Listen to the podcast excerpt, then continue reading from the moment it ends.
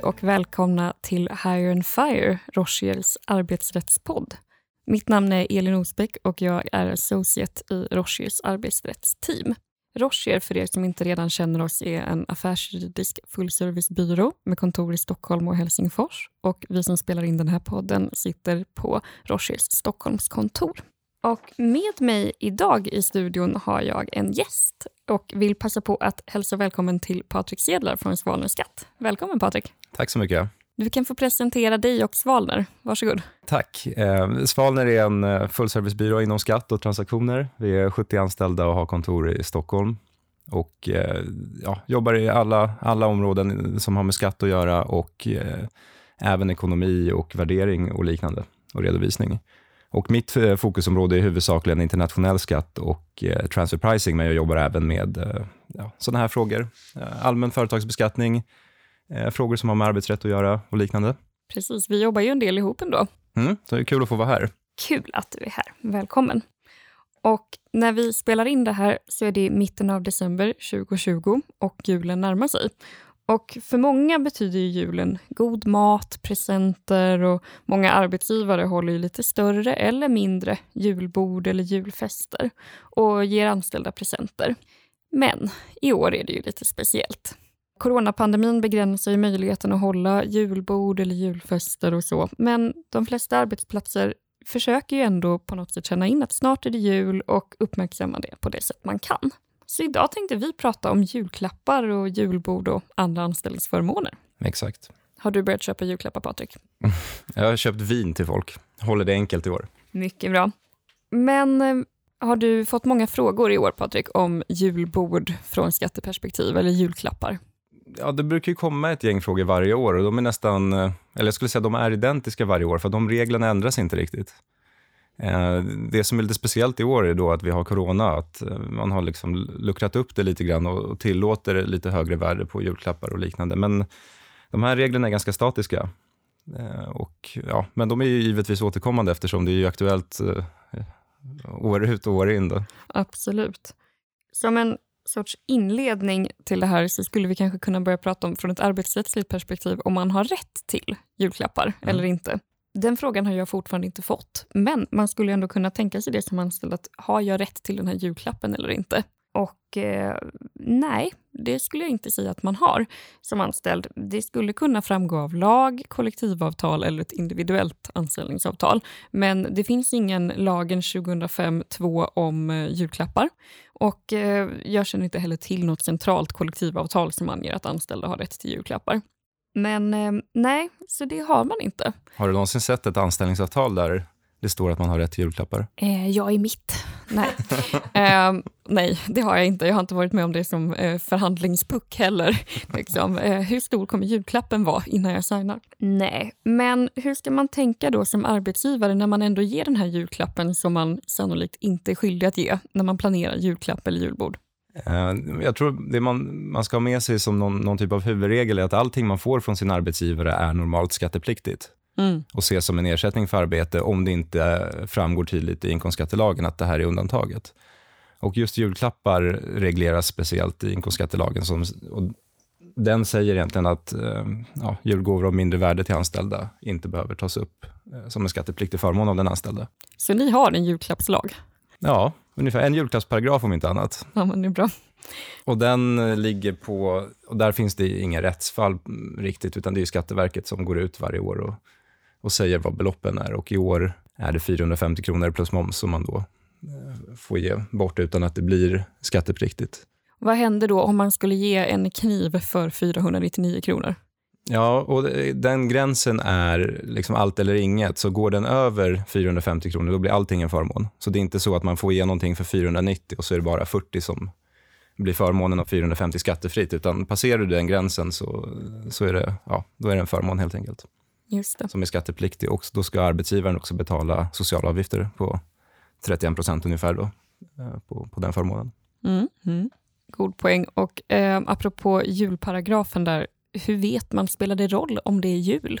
Eller kan det lika gärna vara midsommarpresent? Ja, i och med att paragrafen säger julgåvor så tror jag att man borde hålla sig inom december månad i alla fall. Börjar man ge liksom för tidiga julgåvor i miss, vid midsommar så finns det en risk att Skatteverket inte godtar det.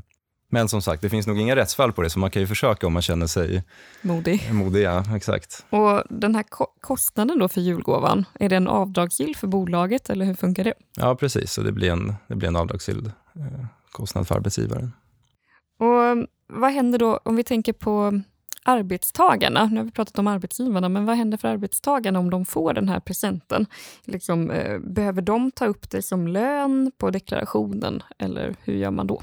Mm. Håller man sig under 450 kronor så är det inte någonting du behöver ta upp. Mm. Kommer du över den så borde arbetsgivaren egentligen ta upp det i, som en förmån, då, att man har betalat ut en förmån. Det. Och Sen är det väl viktigt att lägga till också att det inte får utgöra kontanter, så man kan inte få 450 kronor skattefritt eh, liksom, kontanter eller en vanlig lön, då, utan det, det ska vara, vara någon pryl eller en sak eller en minnesgåva eller liknande som har med julen att göra.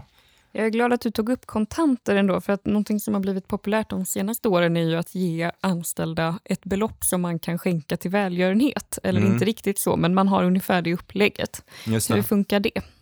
Ja, eh, skattemässigt så, så gäller att om beloppet är disponibelt, det vill säga att du själv har fått ett belopp som du får ge vidare, så ser man det som att du har fått den lönen.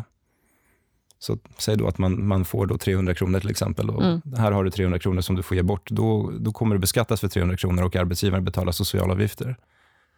Så ett alternativ som vi har sett i praktiken är kanske att arbetsgivaren istället inte lovar ut 300 kronor men snarare säger att vi kommer donera ett visst belopp till en viss välgörenhet som ni kanske får, ni som anställda då får, får rösta fram vilken ni ska välja eller man får komma med förslag och så vidare. Och då eh, ser man det inte riktigt som att de här 300 kronorna har varit eh, disponibla för dig som arbetstagare Mm. och då förmånsbeskattas du inte heller. Men är det likadant med andra typer av anställningsförmåner, att man behöver fortfarande betala arbetsgivaravgifter och så man får, en, man får ha en bil till exempel? Precis. En bilförmån, eh, allting egentligen som, som kan anses eh, utgöra lön eller ersättning för arbete är föremål för socialavgifter. Just det. Så fri mat till exempel. Men däremot inte pension då, vilket ju kan bli, det kan ju bli ganska höga belopp om man får en bilförmån till exempel varje månad, eh, som man då går miste om. Så det kan Precis. vara bra att tänka på. Att man har det upplägg som man vill. Exakt. Vi pratade ju om de här beloppen innan, 450 kronor och av, av mindre värde och så enligt Skatteverkets rekommendationer. Men finns det några andra situationer där man skulle kunna ge ett högre belopp skattefritt? I inkomstskattelagen finns två andra situationer där man kan göra det. Om det är dels om det är en eh, jubileumsgåva eller om det är en minnesgåva till de anställda. Så jubileumsgåvor är väl om, ja, säg att bolaget du jobbar på fyller 50 år till exempel, så kan alla anställda få någonting som har med bolaget att göra och, som en present. Eh, Och samma sak när det kommer till eh, minnesgåvor till varaktigt anställda, det vill säga någon som har jobbat i 20 år till exempel, eller som då ja, fyller 50 år till exempel, fyller jämnt, då kan man få en gåva också. Är det den berömda guldklockan? Den berömda guldklockan, ja. Ja, Men det värdet får inte överstiga 15 000, så det blir inte, det blir inte en guldklocka som är helt i guld, utan den pläterad. pläterad, ja, exakt. Ja, Och sen eh, med anledning av corona så har det även införts en eh, temporär gräns för skattefria gåvor från arbetsgivaren som uppgår till 1000 kronor. Som kallas för coronagåvan om man vill gå in på Skatteverkets hemsida och leta lite. Eh, Och den får faktiskt kombineras med eh, julklappar. Så att det totala värdet kan uppgå till då de här 1000 kronor för coronagåvan och 450 kronor för eh, julklappen. Så man kan få en lite bättre julklapp i år. men en följdfråga då. Vad händer då om den här julgåvan eh, och coronagåvan kombinerat råkar uppgå till 1600 kronor? Mm, det är en väldigt bra fråga. Julgåvan, som jag sa tidigare, eh, blir fullt beskattningsbar om den uppgår till över 450 kronor. Då blir hela beloppet beskattningsbart. Men för coronagåvan så gäller det bara allt över 1000 kronor. Så att får du en coronagåva för 1500 kronor så är det bara 500 som är förmånen och 1000 är inte en förmån. Men det samma, samma princip gäller ju inte för vanliga gåvor. Så att väljer du att kombinera de här så får du den här eh, lite intressanta frågan att ja, å ena sidan har du en förmån som överstiger värdet men som inte kanske är en förmån enligt mm. skattelagstiftningen och vice versa. Eh, så jag vet faktiskt inte riktigt vad som händer där. Vi får se. Man kan Tror jag. dela upp det kanske i två presentkort, två olika butiker. Absolut. Så ska man kunna göra. Eller kalla allting för en coronagåva om man känner sig modig som arbetsgivare. Det är ett suggestivt namn också, coronagåva. Vad är det? Och apropå det här märkliga året med corona eh, så har det ju kommit många frågor, tycker jag ändå, om, ja, i alla fall från arbetsrättsligt håll. Liksom, har man rätt till arbetsutrustning i hemmet och den typen av frågor? Får ni också sådana frågor? Absolut. I och med att eh, ja, alla arbetar hemifrån så, så vill man ju veta vad som gäller. Mm. Och hur, hur ser de, liksom, vad är huvudpunkterna? Arbetsutrustning, är den skattepliktig för arbetstagaren? Arbetsutrustning är normalt inte skattepliktig, men då ska du kunna visa att arbetsutrustningen inte används privat. Så att en arbetsdator till exempel som man tar hem och som man huvudsakligen arbetar på förmånsbeskattas man inte för. Mm. Eh, och det skulle jag vilja säga samma sak med att folk tar hem skärmar till exempel nu under coronan för att man måste jobba hemifrån. Så, mm. så länge det är arbetsgivarens utrustning och man har den hemma och man använder den för arbetet så, så är det svårt att se att någon skulle angripa det upplägget. Men säg att en anställd väljer att behålla en skärm mm. och inte ta med den tillbaka till kontoret. Då har den ju helt plötsligt tappat sin eh, funktion som arbetsutrustning och mm. egentligen då blivit en, eh, ja, en förmån som man har eh, fått från arbetsgivaren. Just det. Och hur är det med mobiltelefoner? Det är kanske inte riktigt lika hett längre, men det var väl en stor fråga för ett par år sedan. Ja, och en, en mobiltelefon kan vara eh, skattefri för en anställd. Och då säger Skatteverket att man, den ska egentligen uppfylla tre kriterier. Då, att den ska vara väsentlig betydelse för, för att kunna utföra jobbet, mm. vilket gäller ja, i de, de flesta fallen idag. Eh, det ska handla om ett abonnemang mot fast avgift och så ska privata mobilanvändandet inte gå att skilja från jobbanvändandet, vilket då har blivit svårare sista åren när ingen längre säljer uppdelad data på det sättet, utan allt är egentligen ett paket. Just det. Det är ju också spännande från, från arbetsrättslig synvinkel, det som vi kallar anställningsförmån, det vill säga är det någonting man har rätt till eller är det arbetsutrustning som gör att arbetsgivaren kan ta bort det? Till exempel om man är i slutet på en uppsägningsperiod och man är arbetsbefriad, har man då rätt till den där mobiltelefonen för att det är ett avtalat villkor eller är det arbetsutrustning? Och det beror ju helt enkelt på. Men jag tror att eh, har man framfört det tydligt som en del av arbetsutrustningen som arbetsgivaren kan disponera över från tid till annan, då, då kan det nog gå att ta bort den på slutet. Nu har vi pratat om corona och vad som händer i år, men om en liten framtidsspaning. Vilka anställningsförmåner tycker du att eh, arbetsgivare är mest intresserade av nu för tiden? Eller kanske framöver? Friskvård är ju alltid hett. Ja. Det är en fråga som uh, ni som arbetsrättare förmodligen stöter på lika ofta som vi som skatterättare. Och de beloppen justeras lite grann. Det, är också, det finns ju ingen lagstiftat belopp exakt vad som utgör friskvård. Man säger att det ska vara mindre värde och det ska erbjudas till allihopa på arbetsplatsen. Och så har det kommit några domar och nu har Skatteverket sagt att 5 000 kronor per år är ändå okej. Okay. Mm. Vilket är, ja, det är väl ungefär det som räcker till ett gymkort uh, i Stockholm. ungefär. Mm. Så att man borde i alla fall hålla sig inom den gränsen och så borde man väl också hålla sig uppdaterad vad som händer på det området för att praxis ändras. Förut var det inte okej att spela golf, nu kan det vara okej att spela golf och så vidare. Precis, det fanns väl de här fyra lite mer lyxiga sporterna som var undantagna innan. Men Precis. hur är det, är, de, är alla accepterade nu eller hur funkar det? Jag har faktiskt inte koll på exakt vilka fyra du syftar på. Jag tror det är segling, golf och de andra två vet jag inte vilka det är. Slalom och ridsport tror jag. Okay. Men eh, jag är ju arbetsrättare då. eh, nej, jag tror att golf är väl accepterat delvis. Om du mm. betalar en eh, green fee är det accepterat men inte eh, runt, liksom, kringutrustningen är inte accepterad. Så green fee men inte bagen? Precis. Mm, mm. Precis. Och det jag skulle gissa på att det är väl ungefär samma sak när det kommer till segling. Kan du visa att det är en liten avgift för att få eh, hyra båten tillsammans med några anställda så skulle jag gissa att det är okej. Okay. Men är det dyr utrustning som du måste köpa för att kunna utföra den här seglingen så, så tror jag att Skatteverket kommer protestera.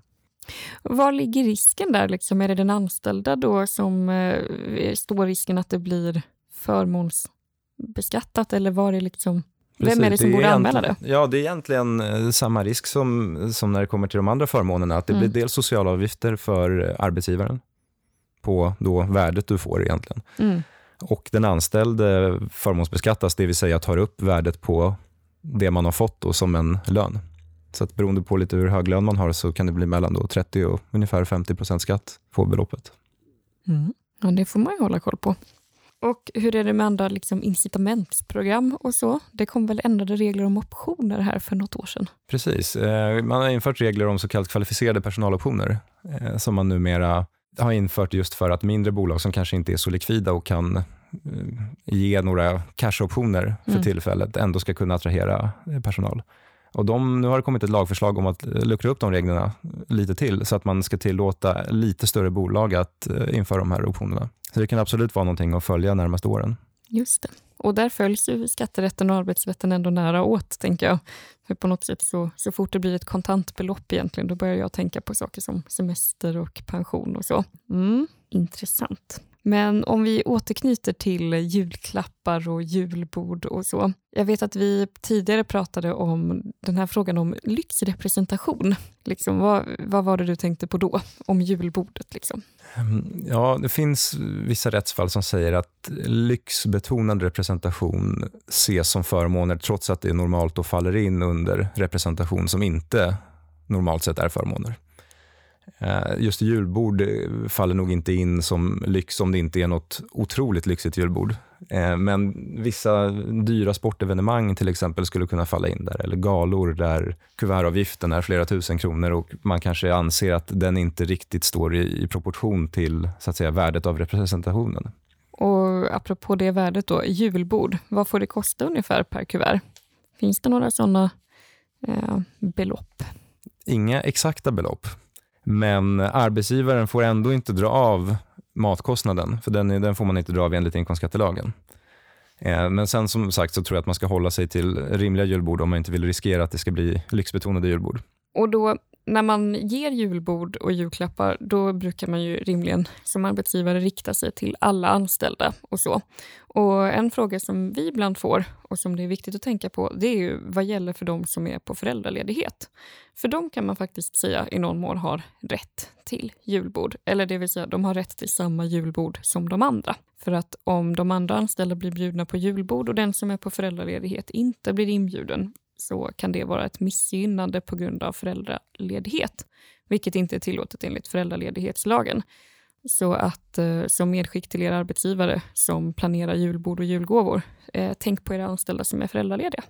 Eh, där kan jag ju också flika in eh, skattemässigt att eh, julbord ses som intern representation och då gäller det att man helt enkelt bjuder in byrån eller företaget man jobbar på och inte väljer ut eh, de tio hårdast arbetande och ser det som intern representation, utan då blir det så att säga en skattepliktig förmån istället. Just det. Och kan man göra någon uppdelning? Jag tycker mig ibland se att man pratar om eh, heltidsanställda och kanske inte bjuder in de som är deltidsanställda eller för den delen bara anställd på viss tid. Hur, hur ser ni på det? Borde de räknas in i att man bjuder in hela byrån eller hela företaget? Jag tror att man ska utgå från att man ska bjuda in allihopa. Ja. Men är det folk som är timanställda och jobbar få timmar i månaden så tror jag att man får göra en rimlig bedömning egentligen. Mm. Liksom står egentligen den här, det här julbordet eller den här gåvan den här personen får ens i proportion till arbetsinsatsen och lönen. Mm. Och som en sorts sammanfattning av det vi har sagt nu, vad tycker vi att arbetsgivare borde tänka på när de funderar på vad man ska ge för julklapp eller julbord? Vad är det första som borde dyka upp i huvudet? Beakta beloppen som finns. Mm. Helt enkelt inte gå över 450 kronor för att riskera dels socialavgifter men också att den anställde förmånsbeskattas för det kommer nog inte bli en alltför uppskattad julgåva i, i det fallet. Nej, icke uppskattad julklapp. Och sen eh, givetvis rimlighet i representationen. Eh, har du ett julbord för anställda, det kanske räcker med ett eller två mm. Eh, och till ett rimligt värde. Just det. Så håll er till beloppen och var rimliga och måttfulla kanske. Precis. Och som ett arbetsrättsligt medskick då, så fort man börjar fundera på att ge den där julgåvan i pengar istället, då, då bör man börja fundera på våra anställningsförmåner, liksom semesterlön, pension och på andra skatterättsliga effekter förstår jag. Just det. Är det en eh, kontantbetalning så klassar det inte längre som skattefritt enligt inkomstskattelagen. Då är det skatt från första kronan och arbetsgivaravgifter. Ja, med de orden så säger jag, Elin och eh, Patrik, God jul! God jul!